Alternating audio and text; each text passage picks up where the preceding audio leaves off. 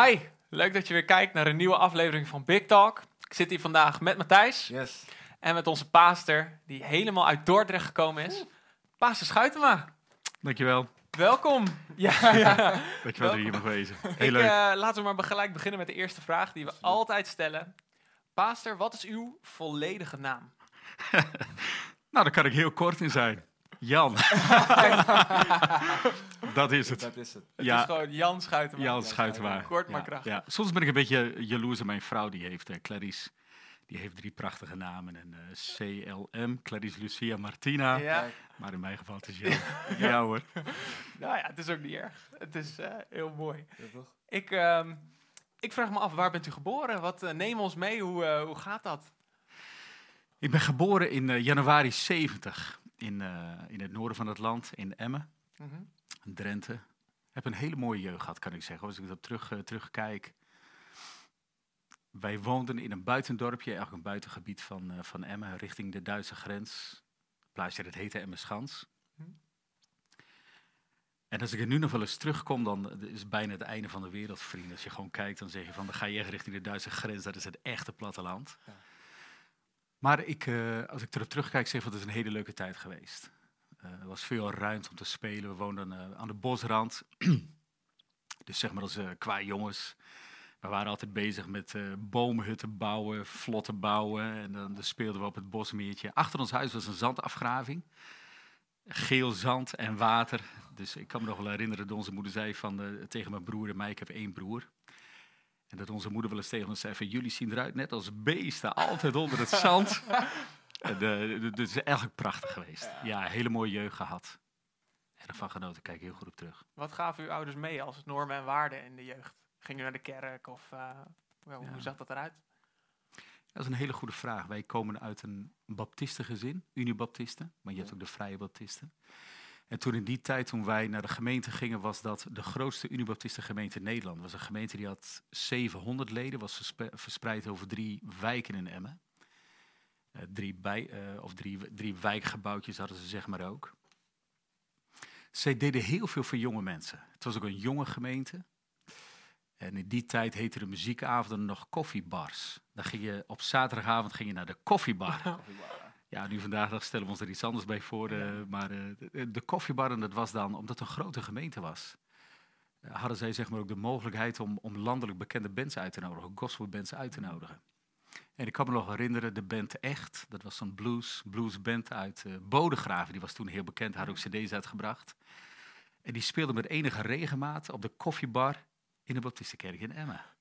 En eh, wat je dan ook bezag is dat dan had je zeg maar veel jeugd ook vanuit, eh, vanuit echt, echt de, de regio, vanuit Muzelkanaal, Stadskanaal dicht bij Groningen. Die kwamen dan naar die, die, eh, die, die 14-daagse muziekavonden. dus dat was eigenlijk de gemeente waar, waar wij opgroeiden. En dan inderdaad terugkomend op je vraag over normen en waarden. Ik kan zeggen is dat wij komen uit een gezin, echt een christenfamilie. Mijn moeder die is wederom geboren, wederom geboren vrouw. Mijn vader, onze vader later ook. En dat is, eh, dat is inderdaad heel persoonlijk, maar ik mag er altijd graag over eh, vertellen. Is dat mijn moeder was altijd een hele flinke vrouw. Wederom geboren, vond altijd kracht en steun in Jezus. En onze vader ook. Hij, eh, hij overleed in, in 2004. Maar ik kan me herinneren als, eh, als klein knaapje dat ik met mijn moeder met regenmaat en dan gingen we naar, laat ik het noemen, een ziekenhuis in Assen. Waar hij opgenomen was. Hij voor jarenlang hij worstelde met zichzelf. Mm, Ja, tegenwoordig noemen we dat een burn-out. Vroeger dan was je overspannen, om het zo te noemen. en onze vader die is inderdaad voor jarenlang is hij opgevangen geweest. Ehm, of opgenomen geweest, moet ik zeggen. En eh, dat, dat was een hele moeilijke periode. Ergens was er een bepaalde worsteling die hij met zichzelf had. Misschien ook wel een bepaalde worsteling die hij met, met God had. Ja. Wat we wel zagen, en dat is eh, eigenlijk in de laatste jaren van zijn leven, ondanks dat hij ziek was, is dat hij zijn steun en zijn kracht vond. Juist in God.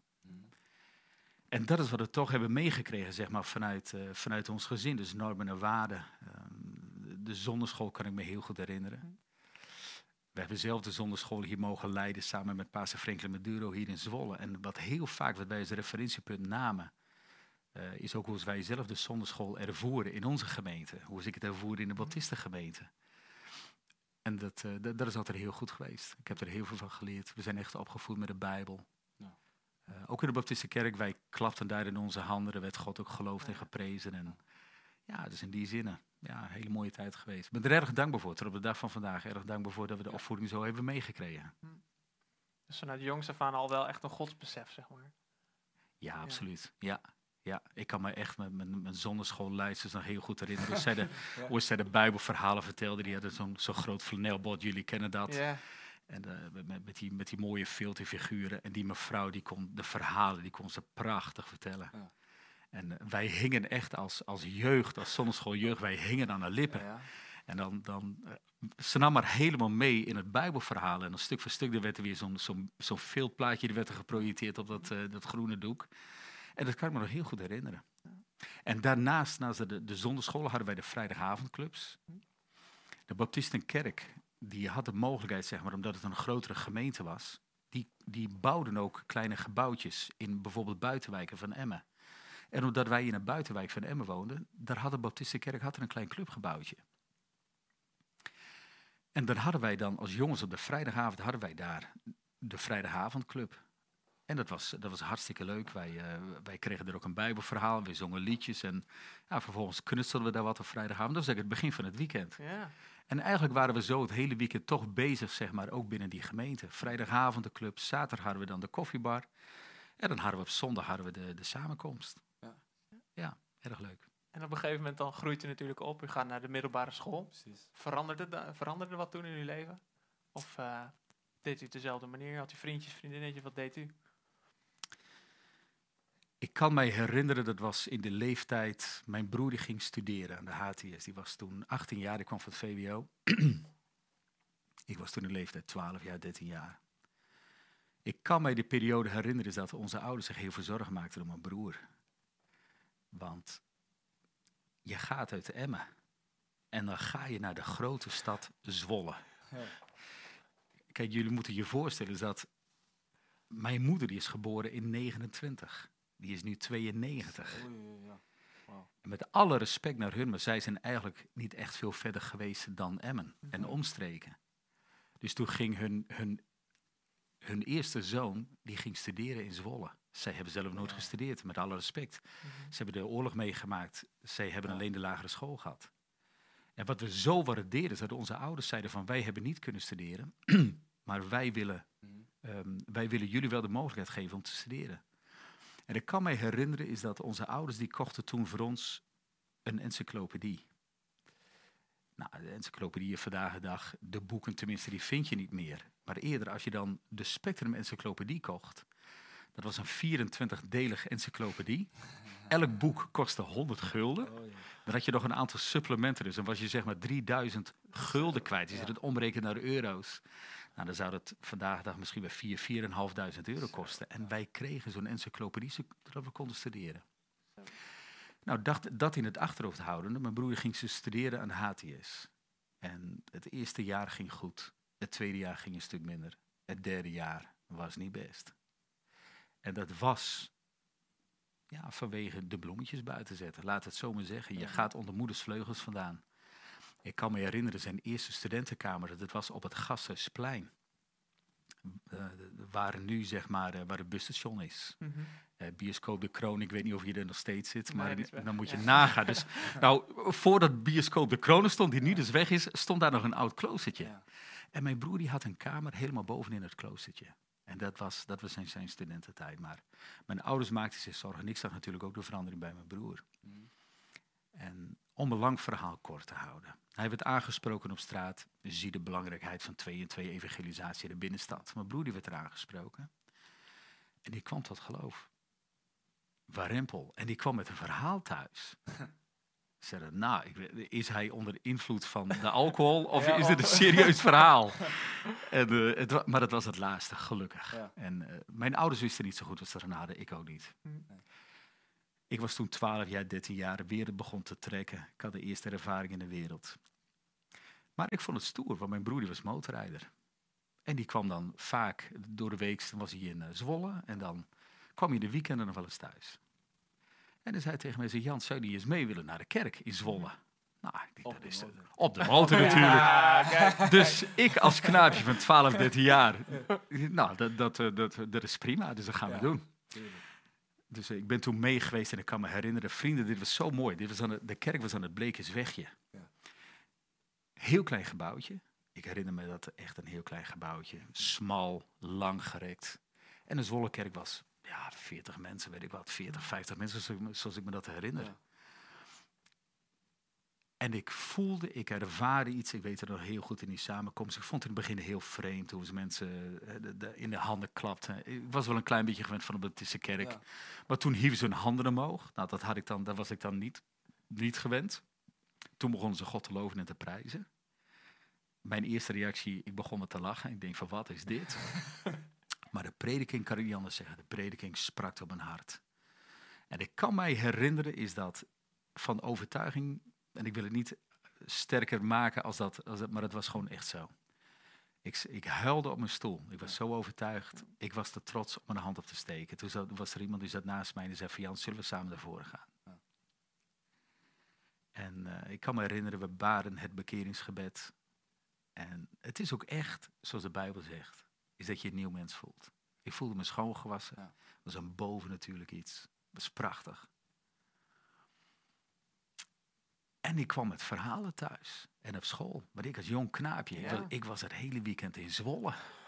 Mijn leeftijdsgenoten die waren onder moeders vleugels thuis. Ja, die, die, kwamen, die waren net van de lagere school af. En die, eh, die moesten op tijd thuis zijn. En ik was het hele weekend was ik in Zwolle. En ik was samen met die studenten, met de leeftijdsgenoten Ja. van mijn broer. En ik vond het prachtig. Dus in de Palestrina flat, daar gebeurde veel. En eh, de, ook de kerk was toen heel jong. En eigenlijk ik als knaapje, ik mocht meeliften met, met die mannen waar ik Ja. tegenop keek. Mhm. Die, die, die, eh, die een jaar of zes, zeven, acht ouder waren als ik. Ik vond het prachtig. Ben toen gedoopt in de Agnietenplas. Oh, ja. Hartstikke leuk. Een hele mooie ervaring geweest. Eh, samen met eh, mijn oude kameraad Weilen Erik Mulder. We zijn samen gedoopt. Prachtige ervaringen, onvergetelijk. Ja, dat zijn dingen, er, er is zoveel gebeurd door de jaren heen, maar ik kijk er heel dankbaar op terug. Ook heel wonderlijk op terug. Hoe is, ja, is het in, in, eh, voor onze ouders was het best wel lastig in het begin om, te, om Mhm. aan te nemen dat hun kinderen naar een andere kerk gingen. Ja, dat wilde ik nog vragen. Van wat Ja, Het verschil eigenlijk tussen... ehm, want u had al een godsbesef, eh, gaf u aan toen u, toen u jong was. En u hield eigenlijk wel van de dingen van de kerk. U vond het leuk. En, maar wat was het dan het grootste verschil dat u zou omschrijven van toen u toen, eh, in, de- met uw broer meeging naar de kerk? Wat was dan het grote verschil? Dat u echt dacht van, hé, dit is echt anders. Dit is een andere ervaring met God. Zeg maar. ik hou van die vraag. Jij stelt hem scherp. Het grote verschil is deze. Ik werd voor de, echt voor de keus geplaatst. Mhm. Jan, wat wil je naar voren? Dat is het grote verschil. Met grote waardering en respect spreek ik over onze oude gemeente. Ja. Geen kwaad woord erover. Ja. En ik, ik denk wel eens, je bent zo dichtbij. Het zou kunnen zijn dat het toen langs mij heen ging. Dus het zou kunnen zijn dat ik het niet goed begrepen heb. Ook dat is mogelijk. Ja. Maar wat mij erg, en dat, dat kan ik me goed herinneren, om, ook omdat die gemeente zo klein was, het sprak mij aan. Mhm. Ik kan me Pastor Major herinneren. Die speelde toen in de band De Oogst. Huh. Samen met Hanneke en familie Moorman. Oh ja. Eh, de, de band Firewind, kan ik mij herinneren. Een rockband. Enorm van genoten. Prachtig. En dan, dan was daar die oproep. En dat was inderdaad best wel heel, heel gericht. Mhm. Ook omdat het, omdat het natuurlijk kleiner was. En het was echt zo, ervoer ik het ook, alsof elk woord ook echt, echt persoonlijk Ja. voor mij was. En dat iemand mij uitnodigde om naar voren te gaan. En ik denk van ja, hey, dat, is, dat, dat, is, dat is zo goed geweest. En hoe, eh, u was best wel jong, zegt u, eigenlijk. Hoe eh, reageerden uw eh, klasgenoten erop? Ik heb in het begin behoorlijk tegenstand gehad. Mm. Ik zat toen eerste, tweedejaars middelbare school. En ik had een hoop. eh, aan de ene kant heb je de, de, verhaal inderdaad dat je in Zwolle bent en eh, motorrijden en dat soort dingen meer. is prachtig, is stoer, is leuk, hoort ook een beetje bij de leeftijd. Maar ik had eerlijk gezegd ook best wel in die zinnen, en voor mijn ouders, ik begrijp hem wel. Zij hadden er be- best zorgen over. Ze zeiden van nou, hè, ehm, de, de oudere broer, die, die was 18, 19, die kan gaan en staan waar hij wil. Ja. Ik was nog heel jong. En ik kan me nog wel goed herinneren dat wij daar gesprekken erover hadden. en dat ze toch op een gegeven moment hebben gezegd van nou weet je wat het is? Eh, lijkt het toch verstandig dat je voorlopig met ons mee naar de kerk gaat. En wat ik wel zag is dat toen begon de wereld ook te trekken.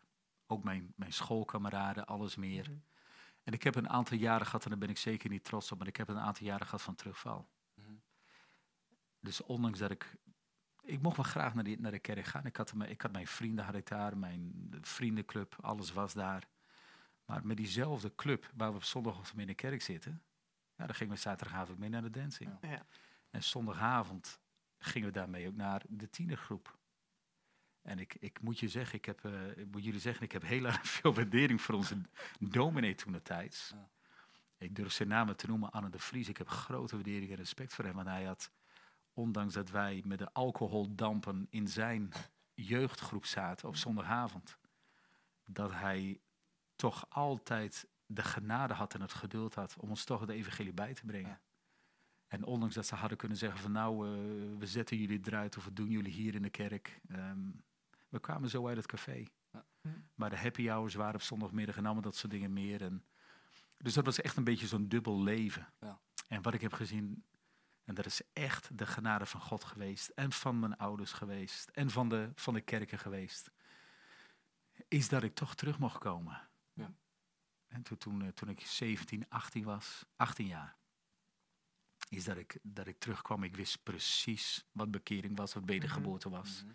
Dat had ik heel bewust meegemaakt. Maar ik wist ook wat het was om in een teruggevallen staat te leven. En toen heb ik gezegd op mijn achttiende van nee, dit is, eh, ik zet er een punt achter. Ik sluit de deur voor de wereld. Ja, want eh, ik wilde dat nog vragen van... U vertelde dat u momenten van terugval heeft gehad. Ik vroeg me af, wat is dan het moment geweest dat... Waardoor bent u toen wel stabiel geworden? Want u zegt van, ik zet een punt erachter. Hoe bent u op dat punt gekomen van, hé, hey, wat heeft die, dat getriggerd eigenlijk? Je schrikt van jezelf op een gegeven moment. Uh-huh. Hm. Dat je tot dingen, zonder in de tijd te treden, maar dat je op een gegeven moment dat je in staat bent tot zaken waarvan je zegt van dit, dit had ik, ik schrik hiervan. Mhm. En dat is de zondige staat, ja, toch van een mens. Ja. Daarnaast, inderdaad, schiet mij te binnen, is dat eh, mijn broer en zijn vrouw eh, uitgezonden werden naar Aruba. Ja. En dat was ook opnieuw een grote schok in die zin voor mijn ouders en eerder gezegd ook wel een beetje voor mij. Ja. Want ik vertelde jullie over mijn ouders die, ja, ook gezien hun leeftijd en de tijd, die was toen heel anders. Die, die reisden niet. Nee. Die, die, die groeiden op in, in Emmen en eh, omgeving en da- daar bleven ze. Ja. Toen kwam de mededeling dat hun lieve zoon uitgezonden werd naar Aruba. Dat was de andere kant van de wereld. My goodness. Dat, was een, dat bracht een enorme schok. Ja. En dat, eh, ja, inderdaad, dat heeft... eh, ik, ik was toen, toen net opnieuw tot geloof gekomen, laat ik het zo zeggen. Ik had toen net opnieuw een toewijding gemaakt. Ik ging toen ook mee, ik kan me nog herinneren, ik was een half jaar in de kerk. Er ging toen een heel groot team vanuit Zwolle, ging naar eh, Aruba en Curaçao. Familie Le Costa, die waren toen missionaris Mm. op, eh, op het eiland Curaçao. En dat was zo'n... zo'n, eh, we gingen, bezochten verschillende eilanden, Ja. zeg maar. Maar dat was ook inderdaad zo dat, je, dat, ik, dat ik echt dacht van... van dit, dit is serieus. Ik ga me nu echt toewijden. Het, ik sluit echt de deur voor de wereld. Eh, Echt met als hoofdreden ook dus van dat leven, dit wil ik niet. Mhm. Een leven in verslaving. eh, dat je uiteindelijk in geweld raakt en allerlei andere dingen meer. En dat, dat je bij jezelf, dat, dat je gewoon stuk loopt. Dat, dat wilde ik niet. En eh, dat, dat is Gods genade is dat, dat, dat ik kon kiezen. Ja. En dat hij dat ja, in die zin honoreerde. En dat is genade. U was toen ongeveer 18 jaar, zegt u. 18 jaar. Ging u ja. toen ook studeren in die tijd? Was dat er net voor? Hoe, eh, Ja, ik, ging naar de middelbare school. Eh, in die zin, ik, ja, ik moet heel eerlijk tegen jullie zeggen, ik, eh, school kwam op een gegeven moment kwam ik niet zoveel meer van terecht. Hm. Ik ben toen vrij snel, ehm, ik kreeg vrij snel verkering met Clarice, wat nu mijn vrouw is. Ja. Ik ben eigenlijk heel snel, heb ik toen ook, ehm ik moest er nog in militaire dienst, dan had je de militaire Oh dienstplicht nog. Ja. Ik was lichting eh 91-1. Dat was bijna gelijk met de vader van Evert Jan. Oh, is het zo? Eh, zeker. zeker. De technische mannen. Pastor uh, Regnald Maduro, we zaten eh, gelijk zaten wij in de militaire dienst, dezelfde periode. En wij hadden daar opnieuw verhalen Ja. over wat wij beleefden in die militaire dienst. Wij waren net getrouwd, maar goed, je had natuurlijk heel veel. eh, ik mocht dan eh, naar Bergen op Zoom mocht ik ook komen, de eh, rijopleiding voor de vrachtwagen. Hele mooie tijd geweest. In zeven weken tijd mag je vrachtwagen leren rijden, maar Ja. dat, dat, eh, ah, er vlogen de vonken wel vanaf. Want je had natuurlijk een he- hele hoop ja, jonge mannen, zo ging dat. Die kwamen onder moeders vleugels vandaan. En in één keer had je de vrijheid in de- op de kazerne, hele week van huis. Nou, dan was bier drinken was goedkoop en de sigaretten waren goedkoop. Ja. Dus jullie raden waar het heen ging. Dus Ja. dat op een gegeven moment sporen helemaal. En, en juist pastor Maduro, ja, ja, pastor of Rignald, ehm, eh, wij, wij sporen elkaar juist aan. En we zeiden van nee, wij gaan voor Jezus. Ja. dus wij, wij evangeliseerden, wij getuigden. en eh, ja, een hele mooie tijd geweest. Ja. Maar ook best wel, best wel een hoop, eh, hoop tegenstand. Maar ach, we dachten van nou, we zijn toch dienstplichtig. Dus eh, in die zin, ja, Ja. we, we kunnen Ja. is Ja, zoveel te verliezen. Maar dat gaf ook niks. Dus we konden getuigen. En daarna kreeg ik, ben ik snel een baan gaan zoeken. Ja. En voor diezelfde werkgever werk ik nog steeds. En ik heb Oh ja, daar een, ja, daar inderdaad, mocht ik op klimmen, laat ik het zo zeggen. Dus ik ben Ja. verder gaan studeren. Ja. Later Windesheim, bedrijfskunde. Mooi. U zegt van, eh, we waren vurig en enthousiast, we gingen evangeliseren. Wist u al of dacht u al, goh, ik wil een pastor worden? Toen u tot bekering kwam. Had u dat meteen dat u zegt, nou, ik ga er ooit een keer eh, op uit? Oeh, even Jan, dat is een goede vraag. ik zal niet stilvallen, maar onderwijl dat ik wat tegen jullie zeg, ik ben ook aan het nadenken. ik ervoer vrij snel. Kort na, nadat ik tot geloof kwam, ervoer ik vrij snel dat, dat er wel een roeping was. Op welk gebied kon ik heel moeilijk, kon ik geen handen en voeten geven. Ik vond het heel mooi, de gelegenheden die me geboden zijn in deze gemeente. Ehm, ik mocht, ehm, we mochten een bijbelstudiegroep leiden. Nou, zo goed en zo kwaad als ik dat kon doen. Ik was een leerling, ik ben nog steeds een leerling. Maar dat waren gelegenheden die werden geboden. Dat was prachtig. Ik leerde er heel veel. Ik deed het samen met, eh met Bert Johannes Hm. en zijn vrouw. Geweldige vrienden, geweldige tijd geweest. Kijk ik zo goed op terug. Eh, familie Bewalda, samen meegewerkt, eh dramagroepen gedaan. Verschrikkelijk veel plezier gehad. Enorm gelachen. We hebben prachtige momenten gehad. Kijk er zo goed op terug. en wat het ook is, die, die ervaringen, we gebruiken er nog steeds in onze gemeente Dordrecht. Ja? Onze, eh, eh, dat, dat, dat is prachtig. Het is niet mijn gemeente, het is Gods gemeente. Maar ik bedoel, het is, het is zo mooi om dat te zien. Mm. Dat, dat, dat, zeg maar, dat, eh, dat is niet een cliché, maar dat zijn echt ervaringen. Dat heb ik hier geleerd. Door de verschillende bedieningen met vallen en opstaan die ik mocht doen. Die heb ik echt mee kunnen nemen, zeg maar, naar Dordrecht. En Mm. toen de tijd ook naar Apeldoorn. Ik mocht films draaien. Nou, dat was toen in die tijd. Eh, dan had je nog niet, zeg maar, ehm, eh, dat je kon streamen of wat dan ook. Dan had je nog die, die 16 mm projectoren met die, met die hele grote spoelen. En als je dan een wat langere film had, dan moest halverwege, dan moest je spoel die moest gewisseld worden. nou, dan zat ik hier in het, eh, in het koffiehuis en dan, dan zaten daar een 100, 125 mensen. En zo was het dan voor mijn gevoel. Die zaten te wachten op Jan dat die spoel gewisseld was. Nou, dan, dan heb je dus trillende handen. En dan gaat het verkeerd. Ja. Snap je Ja, wel. En dan moet iemand, dan, en iemand anders, iemand anders die moet, die moet mij dan weer assisteren. En dan, nou, dit zijn van die dingen. Joh, ik heb er zoveel van geleerd. Dat is prachtig. Ja. En ik kijk erop terug en dan, dan, dan zeg je van dat zijn dingen geweest. Ik ben heel dankbaar voor de gelegenheden die me zijn geboden. Door vallen en opstaan dat je dingen leert. Dus ja, en eigenlijk op die manier. En, en later mocht ik een keer een oproep doen. Ik kan me herinneren, Pastor Kooiker. Die was toen assistent voorganger in Zwolle. En ik kreeg toen een keer de gelegenheid om een oproep te houden in een koffiehuis. Nou, met knik in de knietjes. Dan ga je naar voren. met, eh, met een trill in je stem. En dan mag je de oproep doen. Maar dat, is, dat zijn zulke mooie ervaringen. Ja. Het is prachtig om te doen. Ja. En later op zondagochtend. En dan mag je de mededeling een keer doen. Of je mag bidden in de gemeente. Geweldige, geweldige voorrechten. Waar je zoveel van leert. En u noemde al, u noemde al even Dordrecht eh, tussendoor. Hoe, ehm, hoe is dat gekomen? Voelde u...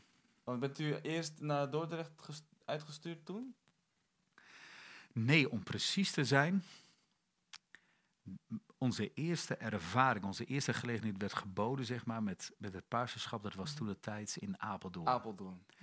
En Apeldoorn, dat was in 96. Ik kan me herinneren, familie Jonkhout, die, die pionierde toen een gemeente in, eh, in Apeldoorn. Zij zouden toen naar Roemenië gaan, als ik Ja. het goed moet houden.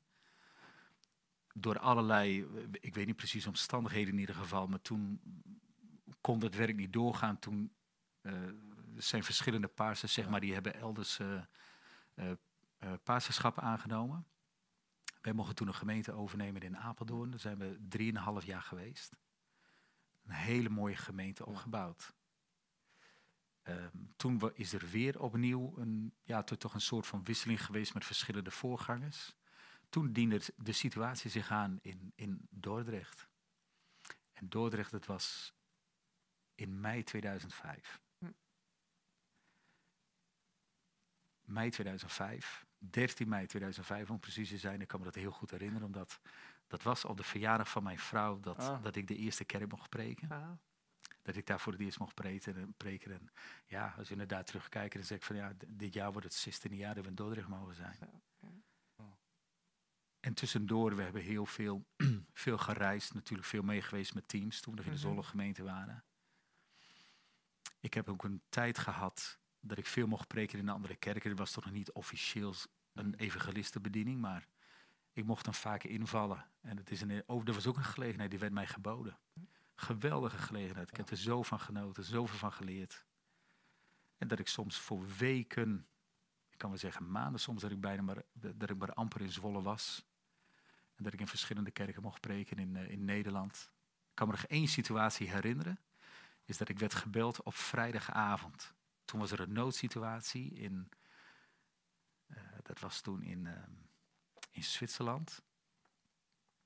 Ik ben even in Basel. Ik kan me dat nog Oké. herinneren. Familie Ja. Kiefer, die waren toen in Basel. Mhm. En pastor Kiefer, die werd vanwege zijn werk, werd hij, eh, dat was een dringende situatie. En die moest elders. Die kon het weekend niet preken in, de, in, de, ge- in eh, zijn gemeente. En ik werd toen gebeld als discipel, vrijdagavond. Jan, wat dacht je ervan? Zondag preken in Basel. My goodness. dus, eh, nou ja, een keer slikken. ja. Eh, met dankbaarheid nam ik het aan. En ik moet je zeggen, we, we namen de zaterdag om daar naartoe te reizen. En het was noodweer, het regen, Ah, het stormde, ja, het was slecht. En eh, we kwamen midden in de nacht kwamen we aan. we, we pakten een hotelletje, ik kan me nog herinneren, aan de, in, eh, in Frankrijk, eh, aan de grens. En mocht toen preken op zondag in Basel. Dat was ook een onvergetelijke ervaring. Dat is wel, En. Pastor Kief en ik, we denken er nog wel eens aan. We hebben het er nog wel eens over. Maar het waren hele mooie dingen, waren spannende tijden. Ja. Ook wel een beetje gekke dingen. Maar we Ja. deden dat. Ook, we- ook, we waren wel eens uit balans, dat geeft niks. We zijn er niet minder van geworden. En ja, het is prachtig.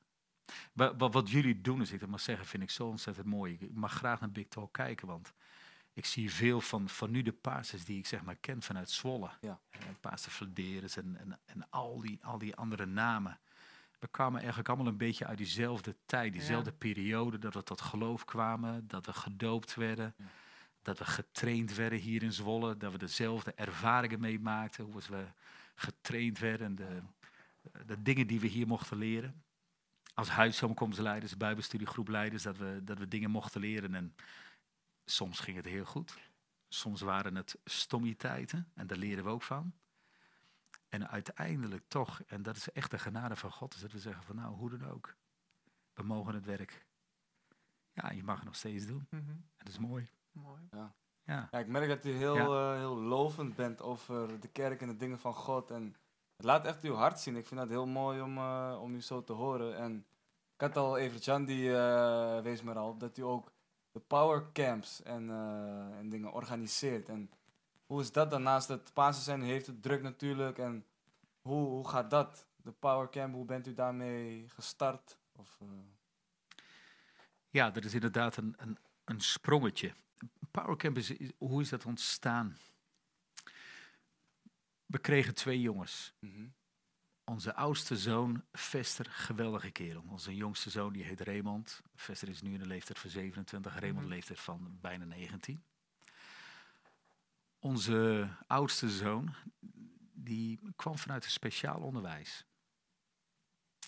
In het begin is het voor ouders best moeilijk om te zien dat je kind het op school niet zo goed doet als het gemiddelde kind. Ja. En in het begin dan, dan denk je, da- dan observeer je kind thuis en dan zeg je van hé, hey, ik zie wat, ik zie toch, ik, ik zie een aantal dingen die toch anders zijn als normaal. Ja. Nou, dat werd op zich vrij snel gesignaleerd. Mhm. Toen het tijdens op de, de basisschool in Apeldoorn. En toen trokken wij eigenlijk al vrij snel de conclusie. Is dat het is het beste voor onze zoon dat hij gaat naar speciale onderwijs. Waar de groepjes wat kleiner zijn en waar, de, waar er meer tijd is en aandacht Mhm. is, zeg maar, om zo'n Ja. zo'n kind zeg maar, beter te begeleiden. Het is een geweldige kerel. We houden evenveel van onze zonen. We zijn apen trots op, de apen trots op hem. Wat we wel hebben gezien is dat ja, kleinere, kleine kinderen die worden groot. En dan op een gegeven moment zeg je, of het is ook mooi als, als je kind een keer naar het, naar het kinderkamp kan of naar het tienerkamp kan. Ja. Ja, we hebben dat één jaar geprobeerd naar het tienerkamp en enorm veel waardering gehad voor de leiding toen het tijd. En, eh, maar we betrokken, met, we trokken toch gezamenlijk de conclusie van dat is te groot. Maar ondertussen als ouder zit je wel met het dilemma, is dat je, je hoort de getuigenissen van, van de ouders, die zien hun tieners, die zien ze weer thuiskomen en zeggen, hé, hey, mijn kind is tot geloof gekomen, ze is in één keer een heel Ja. andere tiener. Mhm. En de tieners die- en de kinderen die nemen hun verhalen mee in de kerk. En zeggen, wauw, dat is geweldig. Ja. Maar hier hadden wij onze zoon. En die wilde heel Ja. graag. Maar hij kon het niet. Mhm. En hij voelde het. Ja. Want hij- we- de- deze kinderen, deze mensen, die zijn niet dom. Ha, die, die, Nee. zi- die zijn niet Nee, dom. nee. Maar wat hij voelde, voelden wij ook. Ja. En wetende dat er meer ouders waren. Niet alleen in onze kerk in Zwolle toen de tijd. En in Dordrecht later. Maar ook in de landen. Nou, toen zijn mijn vrouw en ik zijn begonnen met dat we zeiden van nou laten we nou eens proberen eh, deze ouders te vinden. En dat we met die ouders gaan sparren van hoe, hoe staan jullie daar nu in? Wat zijn jullie ervaringen? En wij kwamen erachter van hé, hey, we- we delen hetzelfde verhaal. Nou, toen zijn we begonnen met dagjes uit, zo noemden we dat. Nou, toen had je de ouders vanuit, eh vanuit Leeuwarden gemeente bijvoorbeeld en wat andere gemeentes, die, die brachten dan hun, hun kind hier naartoe naar Zwolle. Dit was dan de verzamelplaats en van daaruit maakten we een uitstapje naar Dolfinarium in Harderwijk bijvoorbeeld. Ja. En dan had je niet zeg maar een volwaardig zomerkamp, maar dan had je een dagje uit en dan had je toch de eerste verhalen. En naast dat het de jeugd bij elkaar bracht, bracht het ons als ouders ook wat meer bij elkaar. Nou, dat hebben we twee jaar gedaan en toen hebben we toch vrij snel gezegd van het is ook een belasting voor de ouders dat ze hun vrouw voor een, eh, die, die, die, vanuit de andere, die vanuit de regio moeten komen, hun kind eerst hier moeten brengen. Vervolgens, hè, die kinderen hebben dan een autorit op zitten. Vervolgens gaan ze met ons een dagje uitdoen en dan moeten ze nog weer terug s'avonds Ja, naar huis. Ja. En voor de ouders betekent het vaak vier ritten. Eh, brengen, ophalen, nou goed, enzovoort. Nou, toen hebben we gezegd van nou laten we toch proberen in een kleine setting een kamp op te bouwen. Een, een, naast de reguliere kampen. Ja. En het begin dat was in Ede. In een, een, een hele luxe accommodatie, een hele mooie accommodatie, maar klein en gezellig. Ja. Mhm. Een hele geborgen sfeer. En daar, daar zijn we begonnen met het eerste powercamp. Wauw. Ik kan me herinneren, het was nog eh, het was onbekend in de landen. Dus we begonnen eh, de advertering toen de tijd. En eh, het leiderschap vanuit Zwolle die heeft er heel veel Mhm. Aan bijgedragen. Dat het ook echt bekend werd in de landen. Ik wil ook bij deze alle pastors in Nederland bedanken die dat echt gefaciliteerd hebben en bekendgemaakt hebben binnen hun gemeentes. En eigenlijk op deze manier is het gegroeid. Van een, een kleiner kamp naar een kamp, een volwaardig kamp kan ik Ja. zeggen. Het is natuurlijk qua aantallen aanmerkelijk kleiner, is het geen vergelijk met het kinderkamp en met het tienerkamp. Maar qua programma in die zin, het is op een ander niveau. Ja. Maar het is wel een volwaardig zomerkamp in die zin. Dus dat we hebben echt een ochtendprogramma, middag, avondprogramma met bijbelstudie, met knutselwerk. En eigenlijk op deze manier is het ontstaan. Ja. Dat we zeggen van, wij, wij brengen de, de deelnemers bij elkaar. Weten dat, dat ook zeg maar, qua niveau is de groep best wel heel divers, zowel in leeftijd als in niveau. Maar ook als ouders in de landen Ja. eh, hebben wij elkaar gevonden. En toen ik hier naartoe reed, ik had vanmiddag nog een gesprek met iemand eh, in de auto. eh, wa- waar we elkaars ervaringen delen met onze Ja. kinderen. Hm. En dat is geweldig, want deze kleine kinderen zijn ondertussen volwassen mensen geworden. Ze functioneren heel krachtig in onze gemeentes. Ja. En daarom is het, ja, zijn we daar in de goede zin des woords, zijn we daar ook trots op. Dat we zeggen van als fellowship, dat we zeggen van hé, hey, we zijn niet alleen een fellowship voor de getalenteerden, voor de welbespraakten en mensen die persoonlijkheid, charisma Ja. hebben, geef maar een woord. Geef het maar een naam. Maar we, we zijn ook een fellowship die ook proberen, de meer kwetsbare mensen, de wat zwakkere mensen, die horen er even goed bij. Ja. En dat vinden we terug in de Bijbel.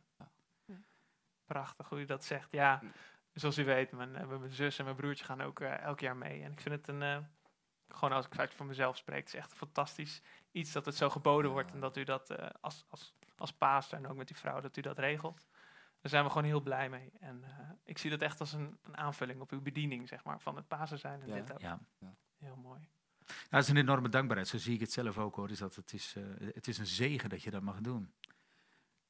Ehm, en eigenlijk wil ik zeggen, ik begrijp even Jan hoe jij het zegt, maar eigenlijk wil ik het omdraaien. Is Juist door te zeggen van, ehm, ik leer juist heel veel van hen. Mhm. En ik hoop ook dat het andersom natuurlijk ook zo is. Dat, dat, dat, dat wij hun als team, want we hebben een geweldig team. En ik zeg dat niet alleen om mooie woorden te gebruiken, maar het team dat is top. Dat zijn ervaringsdeskundigen, zijn mensen vanuit, vanuit de zorg. Er zitten verschillende basisvrouwen bij. Ehm, met, met geweldige ervaring, met kennis en kunde. Ik moet jullie heel eerlijk zeggen, dat, dat, durf ik, dat durf ik gerust te zeggen, is dat eigenlijk de groep die draait op dat team. En ik, ik kijk vol verbazing. Eigenlijk de enige, de rol die ik erin heb gezien, is dat ik meer een soort van intermediair ben. Geef het maar een, geef het maar een naam, die misschien die, die mensen bij elkaar brengt. Maar er zitten mensen met ongelooflijk veel ervaring. En, en ja, ik, zij zijn een zegen voor mij. Daarnaast doet u natuurlijk ook in de, in de Dordrecht gemeente, doet u altijd een, een genezingscampagne elk jaar met een, met een eigen tent. Hoe is dat? eh, dat moet ook een spontaan idee geweest. Hoe, hoe is dat? eh? Ja, dat is ook wat. Hè? Eh, hoe is dat begonnen? Natuurlijk vanuit Zwolle. Oké. Wij, wij leerden in Zwolle en dat, dat doen we nog steeds in Zwolle, toch? De, het bouwen van de tenten in, in Holtebroek en eh, met, met jullie ouders. eh, tentenbouwers, ten top. Daar heb ik, het van, heb ik het van geleerd. Wij begonnen vrij snel dat, dat we naar de jaarlijkse campagnes gingen met Pastor Mitchell. Ja. Pastor Wayman Mitchell in Almeria, Spanje. Ik was onder de indruk hoe is Pastor Roberto dat deed. Oh, en de, de, de, gemeente, die kennen jullie wellicht in Almeria, Spanje, is... Wat was toen de tijd, toen zij begonnen, was ook niet zo heel erg groot. Hmm. En Pastor Wayman Mitchell, die reisde vanuit Amerika, die kwam elk jaar kwam hij daar naartoe. En ik vond het zo'n mooie setting. Ik dacht, wauw, dat, dat, dat op de een of andere manier het bloed kruipt waar het niet gaan kan. We gaan het gewoon, we gaan het proberen. Ja. Nou, dat was, eh, dat was me wat. In 2009, dat weet ik nog goed. Ik vond een mooie locatie in eh, het Wijzigpark in Dordrecht. Echt gelegen direct achter het Dordrecht Centraal Station, binnenstad. Prachtige locatie. We kregen de vergunning. Ik dacht, nou, nu zitten we eraan vast. dus zo gezegd, zo gedaan. Toen moest het uitvoeren. Ik kan me nog herinneren toen het tijdens met het leiderschap in Zwolle. En die hebben dat geweldig gefaciliteerd. We hebben toen de eerste tentcampagne gehouden. Eh Even Jansen vader heeft geweldig geholpen. Die heeft ons geholpen met het opbouwen van de tent, het ophangen van de lampen en weet ik het allemaal. En andere mensen uit Zwolle. Omdat we heel veel dingen, we hadden die ervaring niet. En we leren echt van deze mannen hoe als je zo'n tent opbouwt. En ik had natuurlijk zelf wat ervaring. En, maar goed, ik moest weer opnieuw meekijken. Ja. Maar dat was een, ik kan het niet anders zeggen, het was een geweldig succes. Het- we, we hadden veel hulp van Zwolle, veel hulp van kerken in de landen. Het was een, dat was een setting, dat was... De, op een gegeven moment, dat was echt zo, die tent die was te klein, dat was geweldig. Ja. Nou goed, tent opgebroken, dat weet ik nog goed, maandagochtend. Ik was blij, want het was gewoon heel intensief voor ons als Mhm. kerk. Het was echt van woensdag tot en met zondagavond. Nou, op maandag tent opgebroken, dachten van, nee, gelukkig, goed geweest, God heeft het gezegend, nu Ja. blij dat de tent Ja. eraf gebouwd is. Ik was dinsdag weer op het werk, werd ik gebeld. Politie Zuid-Holland-Zuid. Ik denk, jak, wat nou? Dus ik begon bijna gelijk al. Ik zeg, nou ja, eh, Jan Schuitenma. Ik zeg, inderdaad, ben van de kerk. Ik zeg, volgens mij hebben we het allemaal netjes achtergelaten. Toch een, uh, ziet er allemaal spik en span uit. Ja. Nou, hij zegt, eh, hij zegt, ik wil u en uw gemeente bedanken. Oké. Ik zeg, nou, ik zeg, sorry, ik zeg, val even, ik val even stil, maar waarvoor wilt u ons bedanken? nou, hij zegt, hij zegt, weet u wat het is? Hij zegt, wij hebben gewoon heel veel problemen als politie in het park. Hij zegt, en we hebben jullie geobserveerd als kerk. Hij zegt, we hebben gezien dat jullie veel goed werk doen. Hmm. Hij zegt, en we hopen dat jullie dat elk jaar organiseren. Zo. Nou, ik was sprakeloos. Ja. Want eigenlijk de verhalen, de ervaringen die ik kende, dat was watch out. Ja, ja, ja, ja, Politie, ja, ja. d- zorg dat alles via... De, we, hadden, we hadden het ook echt goed voorbereid qua vergunningen en alles meer. En we bleven echt binnen, binnen de, de permissie die we kregen, de Ja. mandat die we kregen. Maar dat was inderdaad voor ons echt een trigger om te zeggen van nou, we rempelen, nou, dan gaan we het ook doorzetten. Ja. En zo is het eigenlijk ontstaan. Dus toen kregen we de, de contacten met een tentenverhuurbedrijf. Eh, die was echt genegen om, om flink wat van die prijs af te doen. Dus ik maakte gelijk een deal met hem. Ik zeg, nou weet je wat het is? Ik zeg, eh, je hebt van on- van ons, ik zeg, je hebt een goede vaste klant. Ik zeg, maar de motto van die prijs af. Nou, zo gezegd, zo gedaan. Hij stond ervoor. En dat maakt het voor ons eigenlijk mogelijk Mhm. dat wij jaarlijks die tentcampagne konden houden. We konden het zelf betalen. En wij kregen hele goede contacten met de gemeente Dordrecht, omdat ik kon refereren aan het telefoontje van Ja. de politie. Dus op een gegeven moment, wij werden in de goede zin des woords bekend bij de gemeente Dordrecht. Hm. En op een gegeven moment dan was het gewoon ja, een hele eenvoudige aanvraag voor Ja. de tentcampagne. En dat, dat, ja, we hebben verschillende predikers gehad, eh, hele goede predikers gehad in het binnenland. We hebben ook vanuit Roemenië en vanuit eh, Zwitserland pastor Kiefer en pastor Arnoud uit Roemenië. eh, hebben die nu dus in Moldavië is. Mhm. Die heeft voor ons gepreekt. Hij heeft een heel team meegenomen. Pastor Arnoud vanuit Roemenië toen de tijd. Ze waren een man of 12, 13. Geweldige ervaring. Mensen die kochten een goedkope ticket. eh, zeg maar vanuit eh Boekarest naar eh, luchthaven Chalara in België. Oh, ja. Zij hadden een goedkope ticket. Maar wij moesten ze ophalen vanaf. Ja. Dus het was een kleine 200 kilometer rijden. Maar we deden dat met groot plezier. Dus we huurden twee busjes. Wij, wij pikten hen op van de luchthaven. En wij werkten samen. Ze kwamen in Dordrecht aan. Zo vanuit van een, van een lange vlucht. Lange reis vanuit België. En we bouwden samen de tent op. En we hebben de- het hele weekend geweldig met elkaar samengewerkt. Leuk. En we hebben het daar nog steeds over. Een hele mooie vorm van fellowship en samenwerken geweest. En dan kwamen wij het volgende jaar, dan kwamen we pastor Wayman Mitchell weer tegen. En dan, nou, ik mocht hem hierover vragen. En nou, zeggen van, nou pastor, we hebben het zo gedaan. En dan, ah, dat vond hij prachtig. Mhm. En wij ook, hoe, hoe we dat dan, ja, mochten weer, weer mochten leren, zeg maar, in Almeria. Dus zo is het eigenlijk wat ver- verder gegroeid en ontstaan. leuk. Ja. Dus u heeft het nu heel erg eh, naar uw zin eigenlijk in, eh, in Dordrecht, nog steeds. Ik geniet ervan. Het is een, en de- het gaat er niet om dat wij genieten, maar het is een prachtige kerk. Ja. Het is een hele, echte, waardige kerk. Lieve mensen. Zorgzame mensen. Zij helpen ons ook heel goed in een powercamp. Er zijn, zijn echt veel mensen in betrokken. Dat niet alleen, maar ehm, op alle mogelijke wijze zijn ze een hulp Prachtig. en een steun. Ik herken Ja. heel veel, ik zie heel veel ehm, eh, dankbaarheid in u. En ook dat u heel veel dingen die. Je had het over uw broer, die brengt u mee naar de kerk. Uw, eh, uw ouders die een goed voorbeeld zijn geweest. U praat goed over de eh, gemeente waar u daarvoor staat. Over de dingen die u heeft geleerd in Zwolle. Dat u nu weer toepast in, in, in Dordrecht en alles. En ik vraag me dan af van. We hebben het gehad over uw normen en waarden die u heeft meegekregen. Maar wat geeft u nu weer mee aan uw kinderen? En wat geeft u weer mee aan, aan de Dordrechtkerk? Jullie stellen goede vragen. Dat zijn diepgaande vragen. Wat geef ik mee? Ja.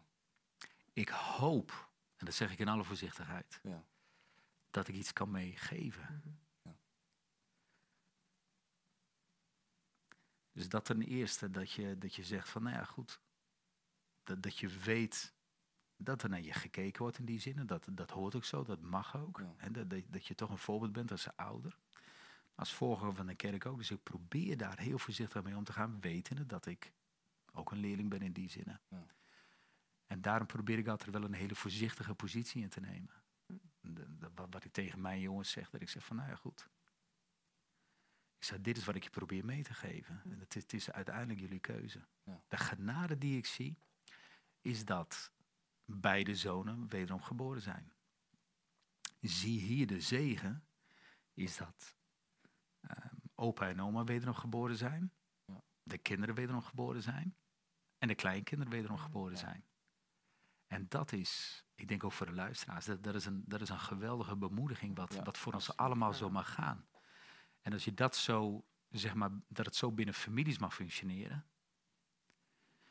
Ja, dat, dat het dan ook zeg maar binnen de kerken zo mag functioneren. Ja. Nou, dat is Ja, onbetaalbaar. mooi. Hoe kijkt u naar de toekomst? Heel rooskleurig. Ja. Ben ik dan ben ik een positief? is er dan niets? Corona is een hele moeilijke tijd. Mhm. Absoluut.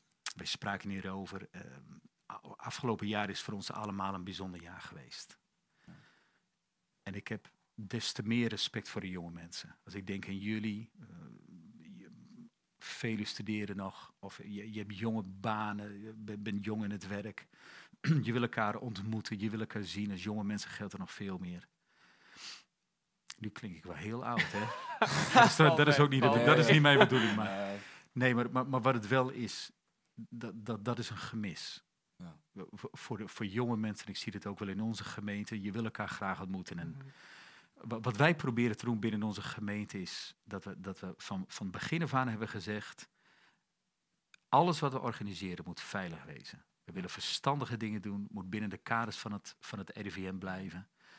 Maar dat wil niet zeggen dat we niet in openlucht kunnen organiseren, dat we niet kunnen evangeliseren. Ja. En dat we geen grote folderacties kunnen doen. En eigenlijk van begin af aan, toen corona zijn intrede deed, we hebben gezegd, nee, we proberen misschien eerder nog te intensiveren. Hm. We zijn met, met hele grote, voor ons doen, Mhm. hele grote folderacties begonnen. Echt door de hele stad heen, twee en twee.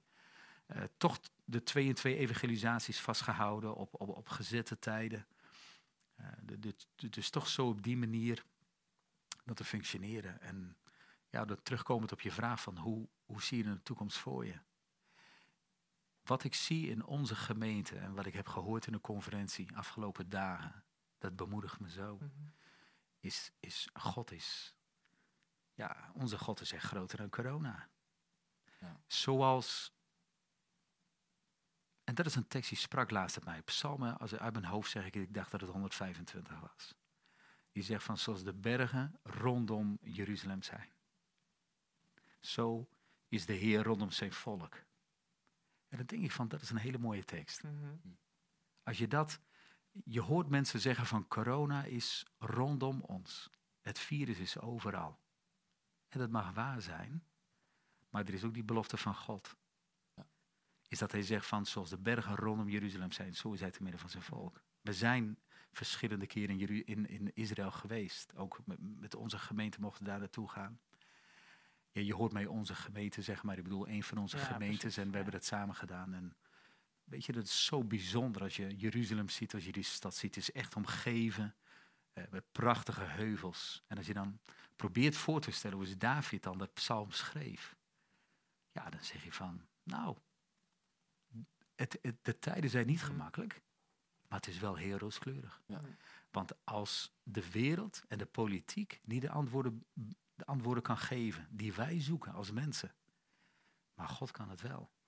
En daarom geloof ik echt, is mijn persoonlijke overtuiging, dat kerken zullen floriseren. Ik vind het zo bemoedigend om te zien, ook in onze gemeente, en dat, dat is echt die genade, weer opnieuw het woord genade. Is dat ehm, zelfs in coronatijd recent zelfs twee nieuwe families toegevoegd aan de kerk. Eén gezin vijf kinderen, andere gezin vier kinderen. Dus onze zonneschool is ook gelijk verdubbeld in aantallen, zeg maar, zo gaat het dan. Maar dat is prachtig. Maar het zijn juist mensen die, die zeggen van, hé, hey, jullie hebben de samenkomsten. Mhm. En, en dat, is, dat is mooi dat er zo'n plek is. En daarom geloof ik ook voor ons als kerken dat, dat ze echt zullen floriseren. Prachtig. Dat is een bemoediging. Ja, ja. Pastor, bedankt voor, eh, voor dit gesprek Ja. en uw tijd. En eh, ik wil natuurlijk ook de luisteraar bedanken en de kijker bedanken voor het meekijken. En eh, ik wil jullie allemaal vragen om de volgende keer weer te kijken. Ja, absoluut. En eh, dat zeggen we vanaf deze plaats. Tot ziens. Tot ziens. Dank jullie wel. Dag.